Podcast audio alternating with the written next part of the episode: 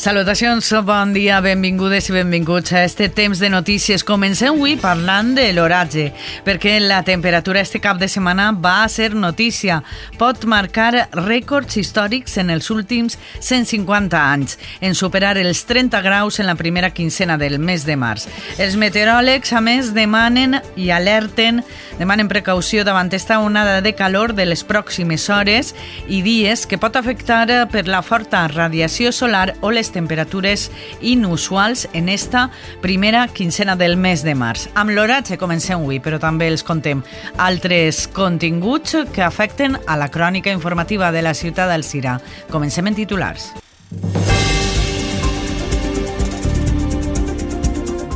El síndic insta a respectar el dret de conciliació dels treballadors al Departament de Salut de la Ribera després de la queixa de CESIF. El CIRA acull este diumenge la setena edició del concurs nacional d'Espardenya amb la participació de més de 60 restauradors i associacions i tallers de cuina per als més menuts.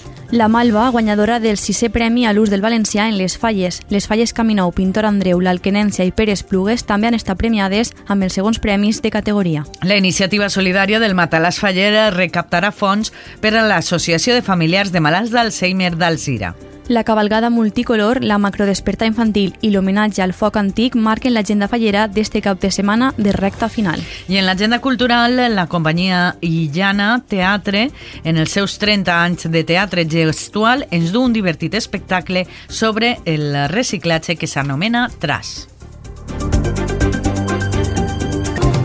També repassarem en els últims uh, minuts més detalladament la previsió de l'oratge. Com saben, com ja els hem contat, les temperatures són el que marquen la previsió meteorològica.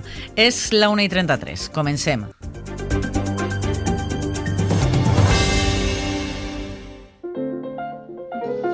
Porque no hay una segunda oportunidad de causar una buena primera impresión, en Marisa Martínez, Moda y Complementos, te ayudamos a conseguirlo.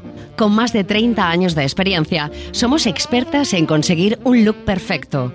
Nuestro equipo de asesoras y modistas propias garantizarán que tengas la mejor experiencia de compra y te vayas a casa sintiéndote lo que eres, especial. Visita Marisa Martínez en la avenida Sucro número 1 de Alcira o en shop.marisamartinez.com y descubre un espacio de moda único. Marisa Martínez, comercio seleccionado en el mes de marzo en la campaña Alcira 12 meses, 12 comercios. Ayuntamiento de Alzira. La Falla Oceas Market porta el millor Remember dels 80, 90 i 2000 el divendres 10 de març a l'exterior de la carpa de la Falla. L'entrada serà gratuïta. Hi haurà tarders des de les 7 de la vesprada amb la música dels DJ Vicente Buitrón, Jesús Lavián, Javi Bria i Fede. Col·laboren Mercedes-Benz Talleres Ferauto Alcira, Cafetería Moments, Burger Film, La Bodeguita del Medio, Canguro Rojo y Autocares Duen. Listo, se acabó la espera. Ford Kuga EcoBoost con entrega inmediata. Que tus ganas de disfrutarlo no esperen. Condiciones en Ford.es. Forma al Surcar en Xàtiva, Gandía y Alcira. Alcira Ràdio, serveis informatius. Com els dèiem, el cap de setmana pot marcar un nou rècord històric en l'oratge de la Ribera. La confluència d'un front càlid que arriba a les nostres terres junt el vent de ponent i un anticicló farà que se superen els 30 graus entre avui i demà a la nostra comarca, una fita històrica que no hauria donat que no s'hauria donat en els últims 150 anys durant la primera quincena de març. Tot i que el vent de ponent és el protagonista de jornades com la d'avui, a partir de demà anirà mainant la seva força, tot i que s'unirà un front càlid que farà pujar encara més les temperatures. Els diversos models meteorològics parlen de temperatures superiors als 30 graus i en alguns punts de l'interior de la Ribera s'espera que arriben als 33-34. Una situació que de nou marcarà un rècord de temperatures en esta primera quincena de març, tal com ho explicava el meteoròleg Jovi Esteve. Què vol dir això?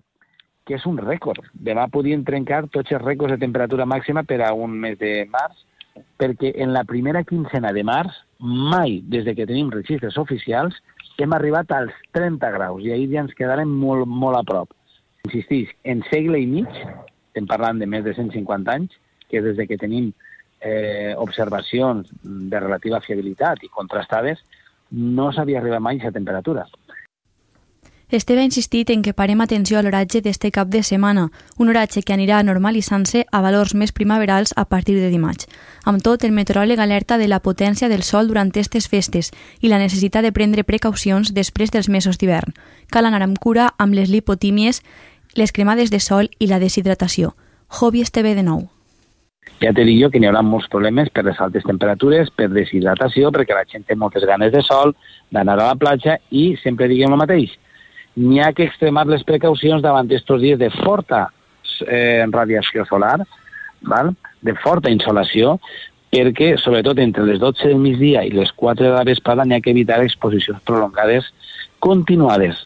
Jo ja sé que tot el món venim de l'hivern, tenim la pell, la teníem tapada, i ara de repent la destapem i li enxufem este sol que crema ja, eh, diu el refrany que el sol de març pega com un mall Pues això serà el que passarà este cap de setmana, segons les previsions.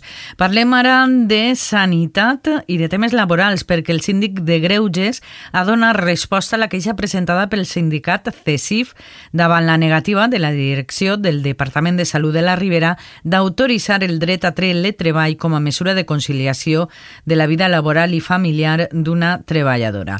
El defensor del poble valencià ha emès un informe en el qual insta a negociar i denuncia que l'administració sanitària no ha estat respectuosa amb els drets.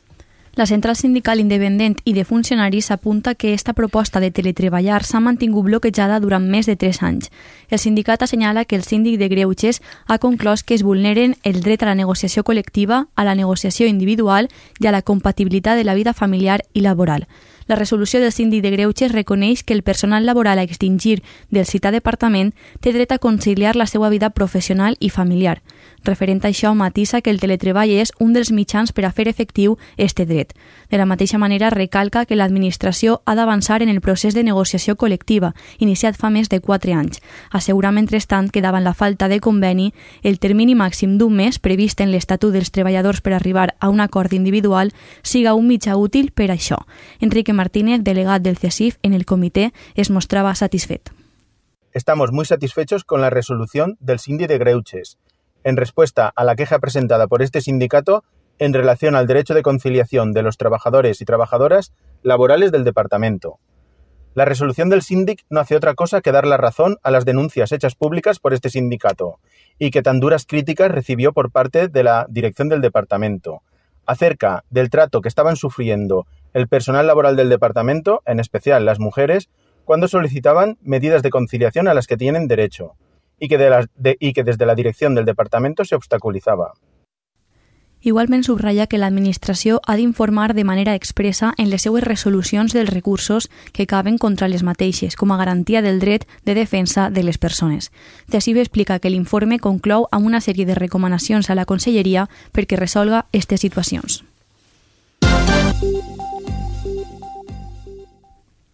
I els contem que aquelles persones que vulguin anar al concert de la Fúmiga del pròxim 14 d'abril ja tenen eh, les entrades quasi esgotades en apenes 20 minuts des de les 9 del matí que s'han posat a la venda s'han esgotat les entrades numerades. A hores d'ara queda una entrada o ninguna perquè en qüestió de segons s'esgoten les entrades. Ara sí, poden obtindre les entrades no numerades que estan estan als laterals del Gran Teatre. I parlem eh, ja de falles, perquè la falla Plaça La Malva s'emporta el primer premi dels 600 premis a l'ús del valencià en les falles que atorga l'Ajuntament d'Alcira a través del Cerval. Els segons premis van per a les falles Caminou, Pintor Andreu, l'Alquenència i Pere Esplugues. El jurat de la sisena edició dels Premis a l'ús del valencià en les falles es va reunir este dimecres per escollir les falles guanyadores del 2023. El primer premi de 1.000 euros ha anat a parar a les mans de la falla Plaça Malva, de la secció segona, i els segons premis de 500 euros són per a la falla Camí Nou, de la secció especial, Pintor Andreu, de la secció primera, l'Alquenència, de la secció tercera i falla per Esplugues, de la secció quarta. Totes rebran un banderí acreditatiu del premi. Enguany s'han presentat un total de 22 falles, dos falles de la secció especial, 6 de la secció primera, 4 de la secció segona, 6 de la secció quarta, tercera i 4 de la secció quarta. El regidor de Cultura Alfred Aranda explicava que s'han trobat amb crítiques molt divertides i iròniques i animava les comissions que no han participat en esta edició a presentar les seues propostes per al 2024. L'escoltem. Ha sigut una experiència, com tots els anys, molt curiosa, perquè perquè n'hi ha crítiques pues, molt, molt divertides, molt iròniques, altres un poc més cruels, però bueno, en temes generals predomina un, una, un estil que és el típic de, de, de la falla. Moltíssimes gràcies a totes les comissions falleres per confiar en l'ús de la llengua, per participar en aquest concurs i a veure si de les 22 a les 34, que són les falles del CIDA, l'any que ve s'animem perquè, bueno, són els textos de la falla, que no suposa ninguna creació nova i, bueno, jo crec que els premis són molt sucosos com pa, va, i val la pena molt presentar-se i les uh, falles d'Alcira estigueren presents ahir a la Capi Casal.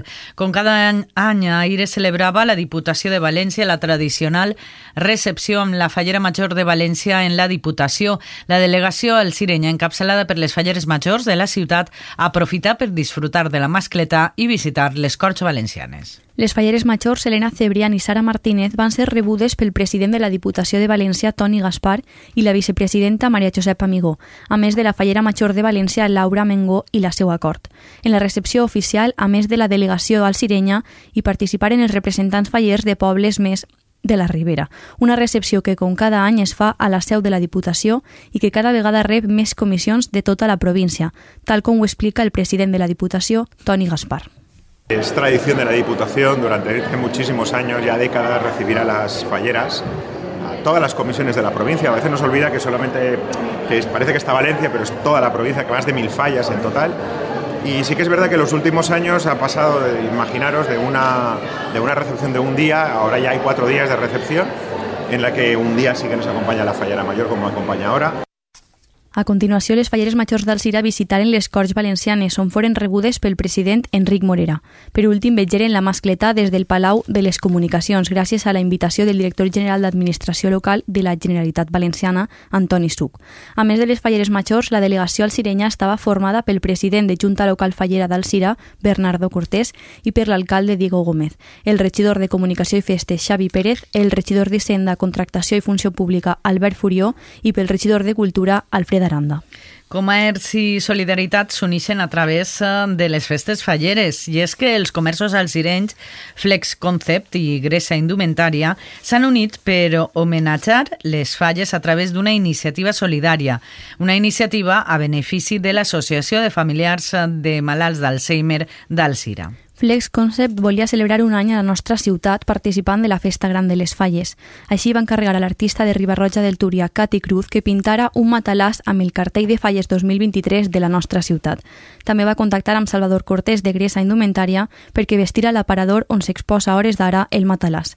José María Salas, propietari de Flex Concept, explicava així el procés de pintura d'este matalàs faller yo le pasé simplemente la imagen de lo que era el cartel de fallas de, de aquí de Alcira y le dije, pero Katy, quiero que le des tu, tu, toque personal. Habrá estado un par de meses pintándolo porque sí que el fondo lo ha tenido que hacer porque lógicamente un colchón es un material textil, le ha tenido que dar una imprimación en spray para que la pintura no se absorbiera para adentro y luego la ha pintado a mano. Las horas que ha dedicado ha sido, bueno, pues eh, incalculable, la verdad, el valor que tiene. Y luego la verdad es que le ha dado un realismo y le ha dado unos fondos que, que si lo ves al natural resalta, es como que el colchón está encendido y, y tiene pues esa, esa parte del fuego que tiene el cártel de fallas El matalà se sortejarà en una rifa solidària entre les persones que compren les paperetes als comerços alcirenys.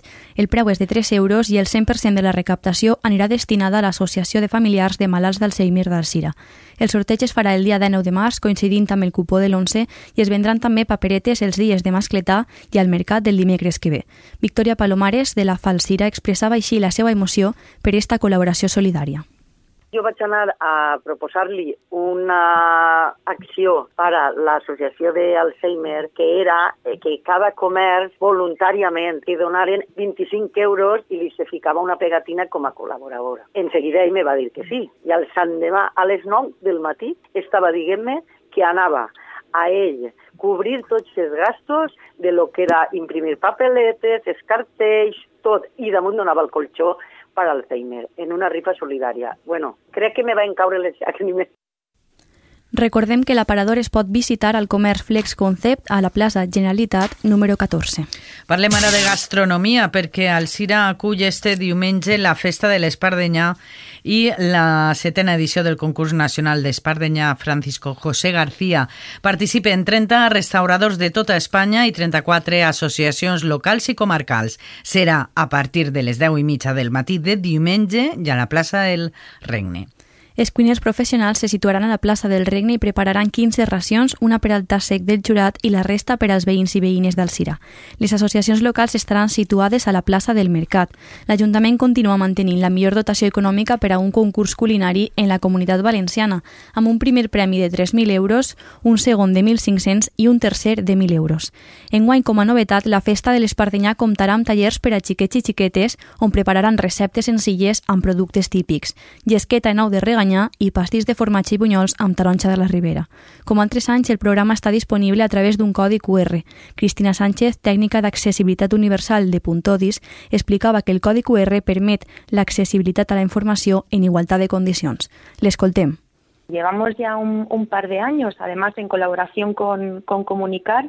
Eh, nosotros intentamos siempre contar con, pues bueno, apoyarnos en, colaboradores de, confianza locales y, y, llevamos desarrollando la información accesible del concurso de la espardeña, pues yo creo que ya este es el tercer año por lo menos. Y toda la información que vamos a poder leer también la podríamos escuchar. Poder acceder a la información de una forma tan sencilla como un código QR o un enlace, pues facilita muchísimo la tarea de, de llegar a todas las personas en igualdad de, de condiciones. I continuem uh, parlant d'este cap de setmana perquè les uh, falles uh, ja estan a punt d'ocupar la ciutat, però de moment el que sí que ocupen és l'agenda. Este cap de setmana la cavalcada multicolor i l'Espardenyà marquen la pauta, a més se sumen activitats novedoses com la macrodesperta infantil. La cavalcada multicolor arrencarà a les 6 de la vesprada des del carrer Gabriela Mistral i recuperarà l'itinerari habitual abans de la pandèmia. Discorrerà pel carrer Gandia, Pérez Galdós, plaça Major, carrer Correus, fins encreuament de l'Avinguda Sants Patrons, on finalitzarà l'acte. La tribuna de les Falleres Majors i les seues corts i la d'autoritats estarà ubicada a la plaça Major de la ciutat. El jurat avaluarà al llarg del recorregut distints punts per a premiar a les millors comissions de la desfilada. Es valorarà la figura, és a dir, l'originalitat en què es diferencien els presidents i les Falleres Majors respecte a la resta de la comissió, la crítica, l'ingeni de la disfressa i la carrossa, valorant el treball que s'ha invertit, el seu impacte visual i la qualitat del treball. A més, també es puntuarà el decoro i la formalitat a l'hora de la desfilada. I pel que fa al diumenge, enguany s'integra una de les novetats, la macro desperta infantil, que tindrà lloc a les 10 del matí a la plaça del Regne. Un acte que, com deia, el president de la Junta Local Fallera va ser reclamat pels mateixos fallerets i, farell, i falleretes. Anem a escoltar-lo. Al día, ¿no? Entonces, la macro desperta infantil a part de que anem a fer-la a les 10 del matí, després, quan acabem a finalitzar, pues anem a desayunar, tindrem xocolata, ensaïmais, malaenes, per a que desayunen, almorzen, després ja continuarem en tots els xocs, perquè sabeu que a migdia està la globotà, a les 2 del migdia és la globotà. Tal com explica el president de la Junta local, tot seguit es farà la xocolatà i a les 2 de la vesprada la globotà. Per a tancar la jornada de diumenge, la pólvora torna a ser protagonista amb l'homenatge al foc antic que tindrà lloc a la plaça del Carbó a les 8 i mitja de la vesprada. I a més eh, de falles, també tenim agenda cultural amb teatre i música per a este cap de setmana. Esta nit, el Gran Teatre i Llana Producciones i Totem presenten la coproducció Trash, una obra amb el millor de la companyia de teatre gestual madrilenya Llana i la percussió de Totem. Es tracta d'un espectacle enèrgic sobre les possibilitats de reciclatge a través de la percussió, el moviment i l'humor. Es desenvolupa en un centre de reciclatge de FEM, on quatre treballadors creatius donen una nova vida a tota mena de rebutjos i mostren al públic l'excés de consumisme en la nostra societat. Els talentosos operaris de segur que contagien el somriure, ho explica un dels actors, Gorka González. Van llegando un montón de, de, de objetos, eh, digamos, de, de, basura, y ellos lo que hacen eh, fundamentalmente es, eh, bueno, pues reutilizarlos y hacer música con todo lo que lo que llegan, ¿no? Es, la manera que, que para concienciar pues sobre el exceso de consumismo que hay en nuestra sociedad actual, sobre la importancia de, de digamos de, las tres R's, ¿no? De reducir, de reutilizar, de reciclar.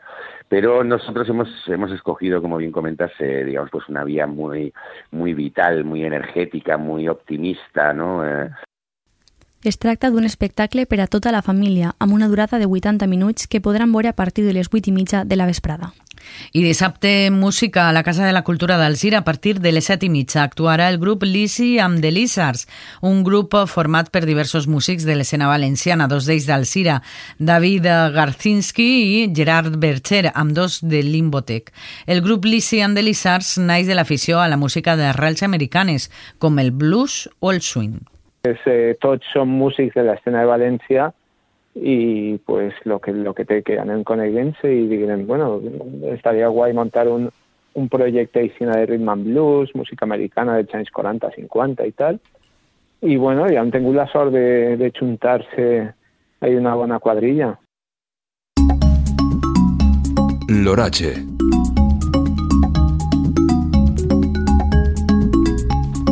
Avui tenim un dia amb pas de núvols alts per tot el territori al llarg de la jornada. L'anticicló a poc a poc va guanyant terreny i comença a pujar de latitud, situant-se al sud de la península.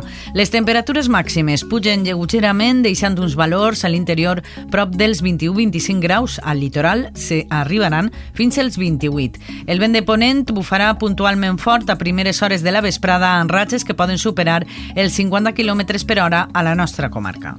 Demà esperem que l'anticicló ja estiga situat sobre la península, que vindrà junt amb una llengua d'aire càlid, deixant-nos un dia amb més sol i de nou pas de núvols alts per tot el territori. Les temperatures pujaran de manera notable, sobretot en punts de València i Alacant, on esperem una pujada d'uns 4-6 graus que faran que tinguem un ambient quasi d'estiu, amb valors màxims rondant els 30 graus. El vent de ponent encara continuarà deixant-se notar, amb ratxes moderades en gran part del territori. I diumenge esperem un dia estable i tranquil, prou assolellat ja que l'anticicló segueix amb nosaltres, provocant temperatures de nou elevades superant els 26 graus a gran part de la comunitat i vent de ponent que bufarà més fluix en general.